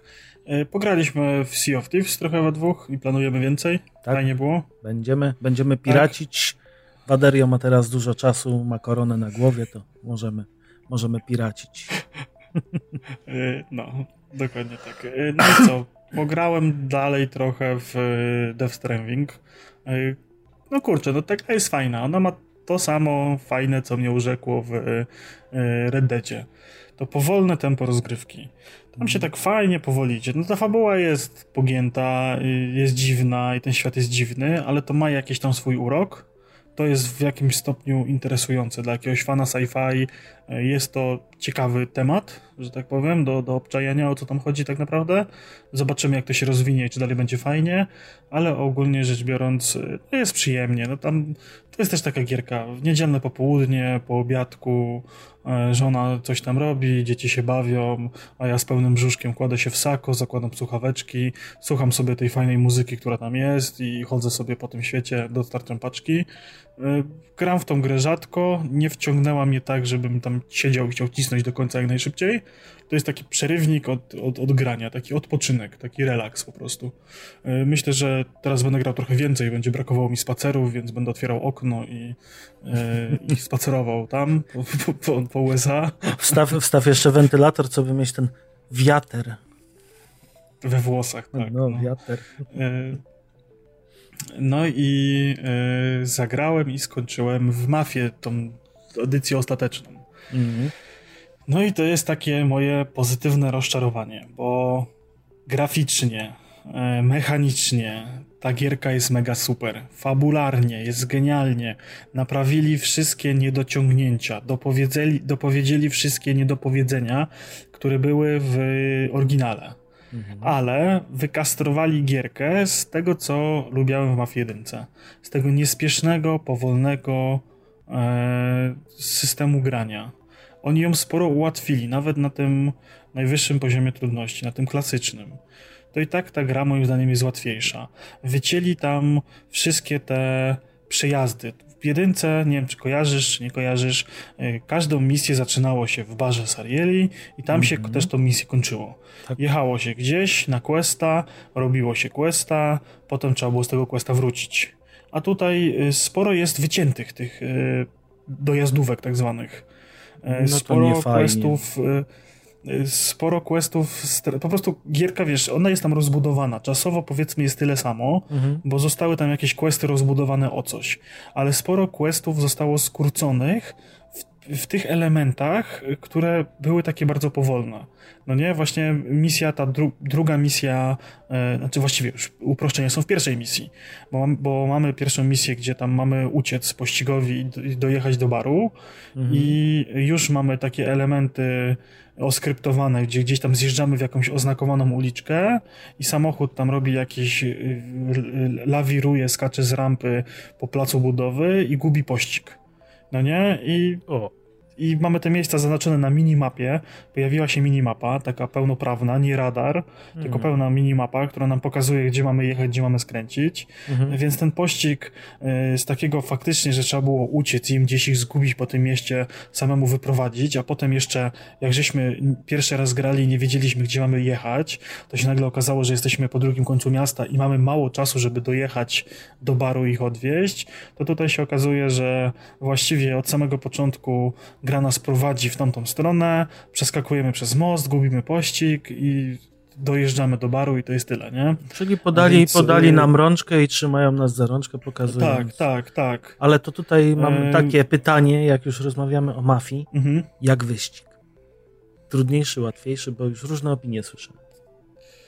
Wiesz co, wydaje mi się, że ten model jazdy jest trochę usprawniony i trochę się łatwiej jeździ dla mnie jest taki sam. To wiesz, ja pamiętam jeszcze tą grę sprzed y, patcha. Ja ją mhm. grałem zaraz po premierze i pamiętam, że jak y, tego wyścigu się nie dało przejść. Wszyscy grali w tą gierkę w klasie, wtedy byłem wtedy w gimnazjum chyba, i wszyscy grali w mafię i nikt y, nie przeszedł wyścigu.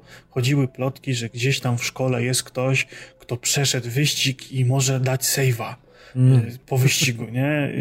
Ale tej osoby nie dało się zlokalizować. Dopiero gdzieś tam e, jakiś czas później w jakiejś CD Action, czy w playu, czy w kliku pojawił się patch naprawiający wyścig, nie? Więc ja pamiętam te czasy, więc dla mnie ten wyścig trudny jakoś bardzo nie jest. Jest tam trochę elementów pseudoskryptowanych E, że gdzieś tam na którymś zakręcie, na którymś okrążeniu e, jest jakaś kraksa, jakieś samochody się psują, e, mhm. tego typu rzeczy gdzieś tam się pojawiają. Nie jest to bardzo narzucające się, ale, ale jest. No i wracając właśnie do tych wyciętych scen, nie? Tam jest właśnie ta misja z byciem taksówkarzem, też ta ilość kursów jest ucięta chyba do dwóch tylko. Więc jest ten e, skrócony, jeszcze takie krótsze trasy są, nie? Mhm. Że gdzieś tam wozimy babkę szybko, gdzieś blisko, potem typa gdzieś blisko i trzeciego typa już tam gdzieś pod bar i, i to jest tyle. Moja ukochana misja w porcie z e, nożeniem paczek została w ogóle wycięta do, do postaci misji skradankowej. E, w ogóle hmm. Kurczę, no jest tak, sporo jest takich uproszczeń, nie? że jeżeli mamy, mieliśmy tam misję e, w domu prokuratora, żeby okraść safe, no to mhm. znowu wycięli element dojazdu po typa włamywacza z jazdem e, z nim na, na teren posesji i nie mieliśmy powiedziane ani gdzie jest safe, ani jak tam dojść, ani zaznaczonych przeciwników na mapie. A tu mamy questa podzielonego na fazy, na zasadzie, że y, włamywacz jest już z nami, mamy dojechać do, do willi. W willi na mapie pokazują nam się strażnicy, których mamy najpierw ogłuszyć, potem wchodzimy do willi, mamy informację, że y, safe jest za obrazem, mamy na minimapie tam 4 czy 5 miejsc, które mamy sprawdzić, y, wchodzimy po pustej willi, sprawdzamy, potem on otwiera ten safe i nie ma takiego takiego elementu, że ci strażnicy chodzą czy coś. Nie, bo ogłoszyliśmy wszystkich. I potem mm. jest element oskryptowany, że uciekamy z, tego, z tej willi, jest chwila strzelaniny i misja kończy się na wyjściu z willi i y, odwiezieniu do domu tego włamywacza i tyle, nie? I zaraz od razu przeskakujemy do baru. No, w oryginale to tam pamiętam wiesz... jeszcze trzeba było go do lekarza zawieźć i tak dalej, i tak dalej, bo tam było... No właśnie, tam, ale wiesz, już, już pomijając całą tą sekwencję, że wiesz, wchodziłeś na teren willi, nie wiedziałeś, gdzie jest obraz, nie widziałeś na mapie strażników, mhm. mogłeś się z nimi strzelać, mogłeś ich y, obezwładniać, tak? a tutaj masz po prostu zaznaczone, podane wszystko na tacy. I bardzo dużo jest takich elementów. Y, miałem wrażenie, że przez to się gra zdecydowanie szybciej, gra jest bardziej dynamiczna i współczesna. Ja rozumiem, że nowy gracz, który nie grał w oryginał, tak, y, odbiłby się od, od takiej gry w takim stylu, nie? Y, więc trzeba było te wszystkie nudne, monotonne elementy wyciąć, ale nie ma kombinowania, nie ma domyślania się, co trzeba zrobić. Wcześniej musieliśmy się z dialogów i z prowadzenia do misji tak naprawdę domyśleć się, co mamy tak naprawdę zrobić, nie? No i to była cała e, kwintesencja eee, mafii, no. Właśnie tak, te, tak, tak. te przerywacze, te uspokajacze, takie właśnie, że można było mhm. pojechać na spokojnie, dojechać na tą misję, przemyśleć sobie w drodze strategię, wszystko. No teraz, y, jak, mhm. tak jak mi opowiadasz, to straciłem chęć, żeby ją obejrzeć. I wiesz co, i właśnie tutaj wszystko mamy, każde rozwiązanie mamy podane na tacy od razu, nie? Kiedyś jak yy, trzeba było, tak jak mówię, obejrzeć kascenkę, z kascenki wywnioskować, co zrobić i szukać tego rozwiązania fizycznie potem w grze, nie? Jak była misja na statku i tam było powiedziane, że w kiblu jest schowany y, pistolet, nie? Mhm. No to trzeba było kombinować, jak się dostać do tego kibla. A tutaj od razu nam powiedzieli, że y, w ładowni jest typ, który jest pijany i on nam da klucz do, do kibla, y, bo kibel jest brudny. I, I idziemy do typa, zabieramy od niego klucz, otwieramy ten i tyle, nie? E, nie ma, ca cała ta otoczka została wykastrowana e, i e, co mnie tak dość mocno jeszcze zabolało, to można było wcześniej rozwiązywać questy w inny sposób niż nam to powiedziane było, tak? Było mhm. to trudniejsze, wymagało to jakiegoś tam szczęścia, ale się dało. Był taki quest na przykład z zabiciem tego drugiego gangstera mhm. z Morello on tam wyjeżdżał z, z opery i pościg był za nim i e, trzeba było go zabić. Mhm. Ja pamiętam, że e, za każdym razem jak grałem, udawało mi się go zabić na wczesnym etapie pościgu. Strzelałem w opony, blokowałem mu drogę, zabijałem go i było po kłeście. E, po latach się dowiedziałem, że faktycznie ten pościg prowadził na teren lotniska, gdzie on wsiadał w samolot i tym samolotem e, trzeba było ten samolot zeszczelić. E, a tutaj cała e, sekwencja jest zaskryptowana. Nie da się go dogonić, nie da się go zabić wcześniej. Dojeżdżamy na lotnisko, tam jest znowu strzelanina, wsiadamy w samochód, gonimy samolot i tyle, nie? Więc y, dużo takich misji pamiętam. Nawet ta misja na statku, to pamiętam, że tego typa dało się zabić pięściami, tego senatora całego, który tam przemawiał. Nie trzeba było brać rewolweru, tylko można było go zabić pięściami. Było to trudne, mm. ale się dało, tak? Ale tu z tym lotniskiem, nie wszyscy... powiem szczerze, zaskoczyłeś, bo ja nigdy do niego nie dojechałem. Mhm. Podobnie jak ty. No właśnie, ja... Nawet no nie właśnie, wiedziałem. No właśnie, tak ja się dowiedziałem po latach gdzieś patrząc jak gra kolega, nie? Mhm. Więc to, to jest tak, no, no kurczę, no gra jest fajna, ma dużo fajnych elementów, jest fajnie odświeżona, jest naprawdę to miasto ma dużo fajnych detali, wygląda pięknie, ślicznie i tak dalej, ale jest wykastrowana gra z tych elementów, które lubiałem. No to strasznie. Strasznie, strasznie smutne to jest. No, no to tak jeszcze na szybkości. Yy, streamy wróciły, bo jest yy, Elgato do streamowania, także yy, są i będą. To I mogę będą. wam powiedzieć i obiecać, że i będą, tak. No i obejrzałem w końcu Westworlda trzeci sezon. W końcu mm. nadrobiłem. Po, po tylu miesiącach udało mi się siąść z żoną i na spokojnie obejrzeć trzeci sezon. I kurczę, no nie wiem, czy to nie jest najlepszy sezon. Ja się z tobą czekam na kolejny. Się bardzo zgadzam. Mi się bardzo podobał trzeci sezon i jedynka była rewolucyjna, dwójka była mhm. nudna, trójka robi naprawdę sieczkę z głowy. Mhm. No i co? No i jeszcze był Dead Cells, ale Dead Cellsa to może omówimy wspólnie, bo widzę, że on jest też u ciebie. A jest u mnie też. Bo i może oboje, oboje żeśmy grali. E, pierwszy raz udało mi się w ogóle tak długo streamować i tak długo grać w jedną grę, zresztą na streamie. Właśnie w Dead Cellsy sobie podjąłem decyzję, że w poprzednią sobotę usiądę i się zaparłem, że zrobię 6 godzin streama i się udało, nawet tak naprawdę nie wiem kiedy to minęło i Dead Cellsy są niesamowicie wciągające. A co jest najzabawniejsze w ciągu tych 6 godzin, raz udało mi się tylko dotrzeć do ostatniego bossa i jeszcze go nie ubić, bo za, zatłukł mnie w, drugim, w drugiej albo trzeciej sekundzie walki.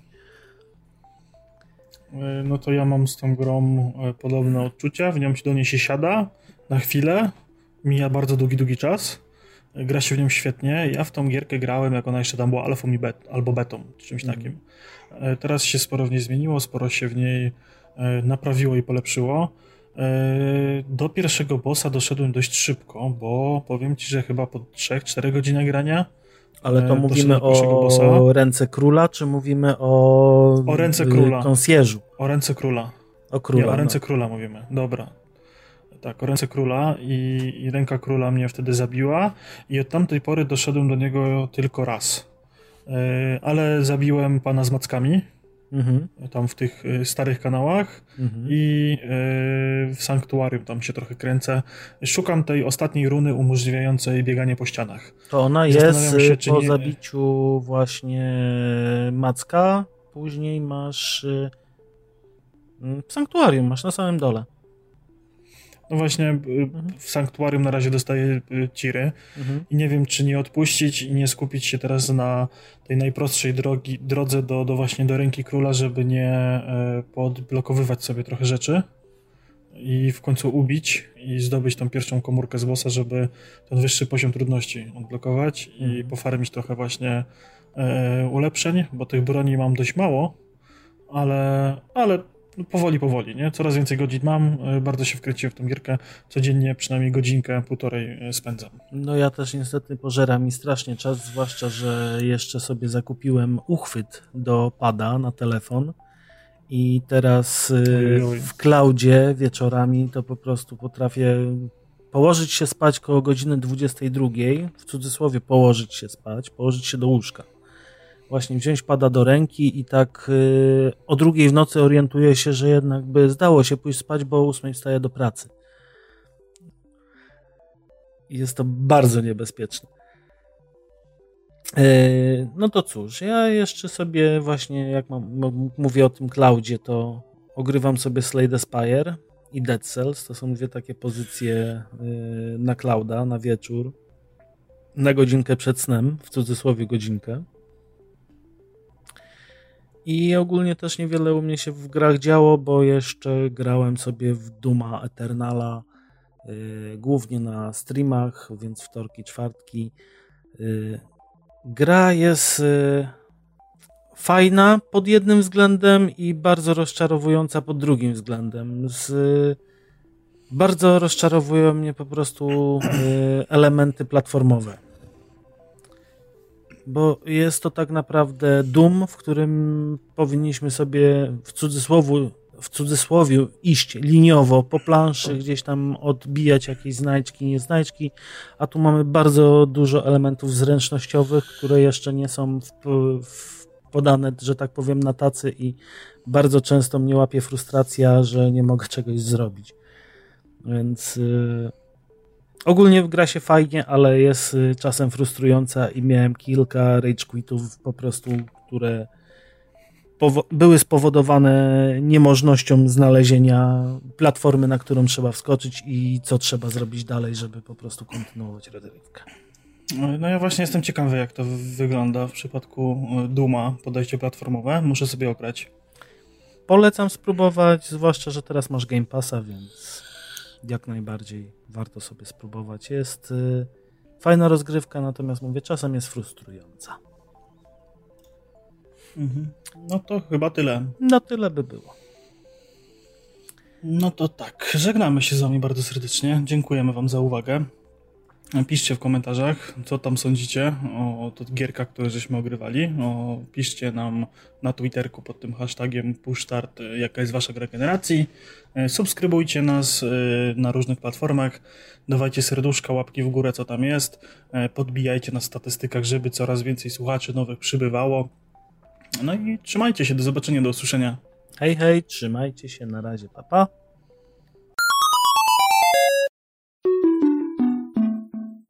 Game over.